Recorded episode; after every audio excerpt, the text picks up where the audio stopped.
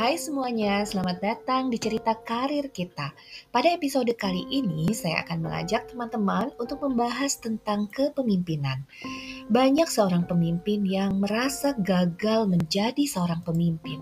Kira-kira apa penyebabnya?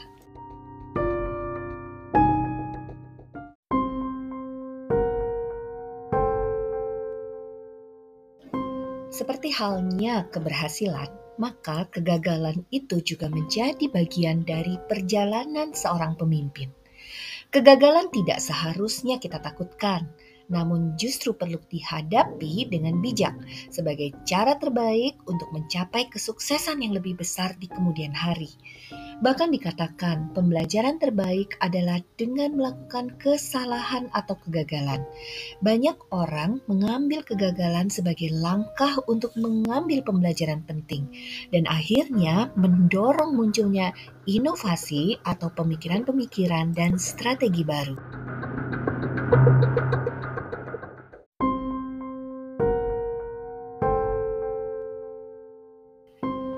Ada seorang supervisor yang merasa dirinya gagal sebagai pemimpin tim kerjanya. Beliau merasa tidak semua dari timnya mampu menyerap apa yang diharapkan. Ada dua hal yang ditemukannya sehingga beliau merasa gagal. Yang pertama, beliau merasa ada anggota timnya yang tidak memiliki inisiatif.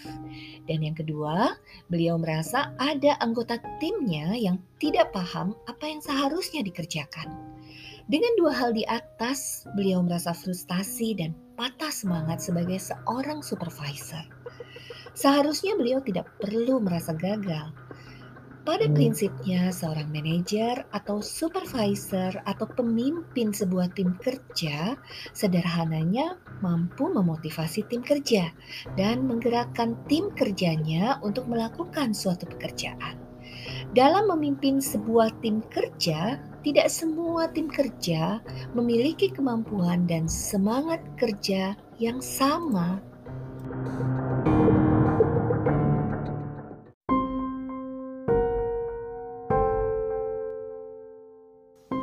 Hal yang harus diingat dan diketahui oleh seorang pemimpin adalah seorang pemimpin tidak bisa memimpin tim kerjanya hanya dengan satu gaya kepemimpinan yang sama untuk semua tim kerjanya. Kenapa? Karena masing-masing tim kerja adalah unik dan itulah mengapa terdapat banyak gaya kepemimpinan sehingga pemimpin juga perlu melihat gaya kepemimpinan yang pas untuk melakukan pendekatan terhadap anggota tim kerjanya. Bisa saja dalam sebuah tim kerja ada anggota tim yang sangat sergap, aktif, lincah, dan high performance. Seorang pemimpin akan lebih tenang dan trust dalam memberikan pekerjaan terhadap tipe anggota tim seperti itu. Karena semua pekerjaan pastinya akan berjalan lancar dan dengan hasil yang memuaskan. Dalam hal ini, pemimpin tidak perlu lagi terlalu intens memonitor proses kerjanya. Namun, ada banyak juga anggota tim kerja yang hanya bertindak sebagai follower. Mereka inilah yang perlu diperhatikan dengan cara-cara tertentu.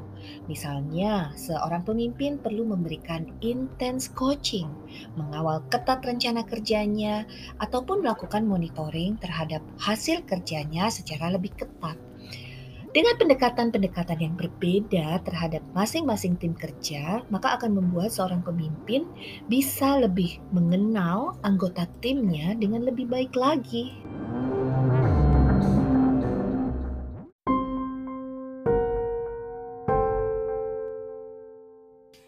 Beberapa tips ini bisa dijadikan pegangan seorang pemimpin untuk bisa bangkit dari perasaan frustasi dari kegagalan yang dipikirkannya. Yang pertama, memiliki pandangan positif atas kegagalan yang terjadi.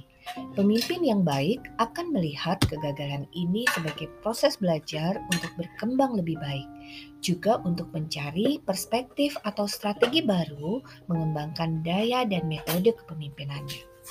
Yang kedua, jangan terlalu ego.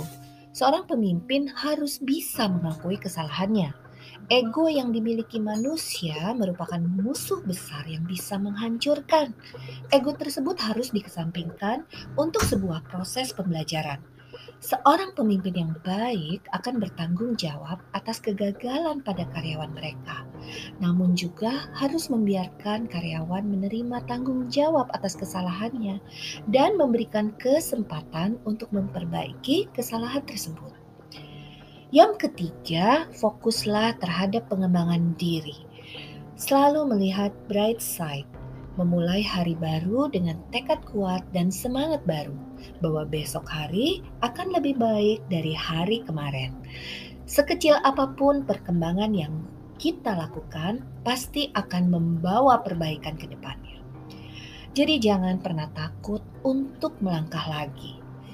Ada kalanya harapan atas pengakuan orang lain justru menghambat kita untuk berkembang.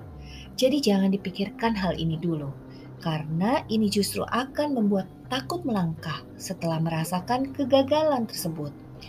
Jadi, jangan hanya berfokus pada pendapat orang lain. Ini hidup kamu, maka kamu yang akan menjalankan hidup kamu untuk menjadi lebih baik lagi.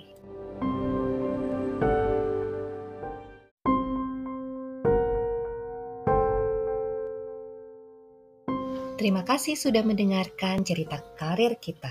Teruslah bersinar dan tetaplah semangat.